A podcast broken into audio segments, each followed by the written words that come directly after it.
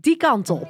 Een informatieve podcast voor ouders en hun kinderen uit de regio Tilburg in voorbereiding op het voortgezet onderwijs. Laat je lekker onderdompelen door prachtige gesprekken met leerlingen uit groep 7 en 8, brugklassers, leerkrachten van de basisschool, docenten van de middelbare school, brugklas en zorgcoördinatoren. Zij delen hun verhalen, inzichten en stellen vragen. Zodat jouw kind straks een passende keuze maakt en zichzelf als een vis in het water voelt.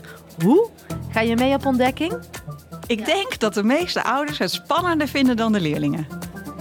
Ja, en wij benoemen ook altijd wel dat het advies wat we geven, dat is een start die ze maken. Dus je kunt nog alle kanten opgroeien naar boven, maar ook naar beneden natuurlijk.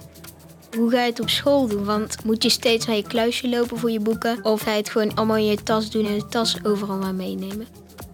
Ik vraag wel eens ouders bij een ouderavond of ze nog het beroep uitoefenen waar ze voor zijn opgeleid. Er gaan heel weinig vingers omhoog. Op het moment dat hij een drempel overstapt, dan weet iemand eigenlijk al: dit wordt mijn school. Of dit wordt mijn school juist niet. Ik leg mijn gymtas altijd in mijn kluisje. En als ik morgen wiskunde heb, dan leg ik een wiskundeboek al voor morgen. Hoef ik hem ook niet helemaal mee te nemen. Om ervoor te zorgen dat we de leerlingen zien. Want iedereen wil gezien worden.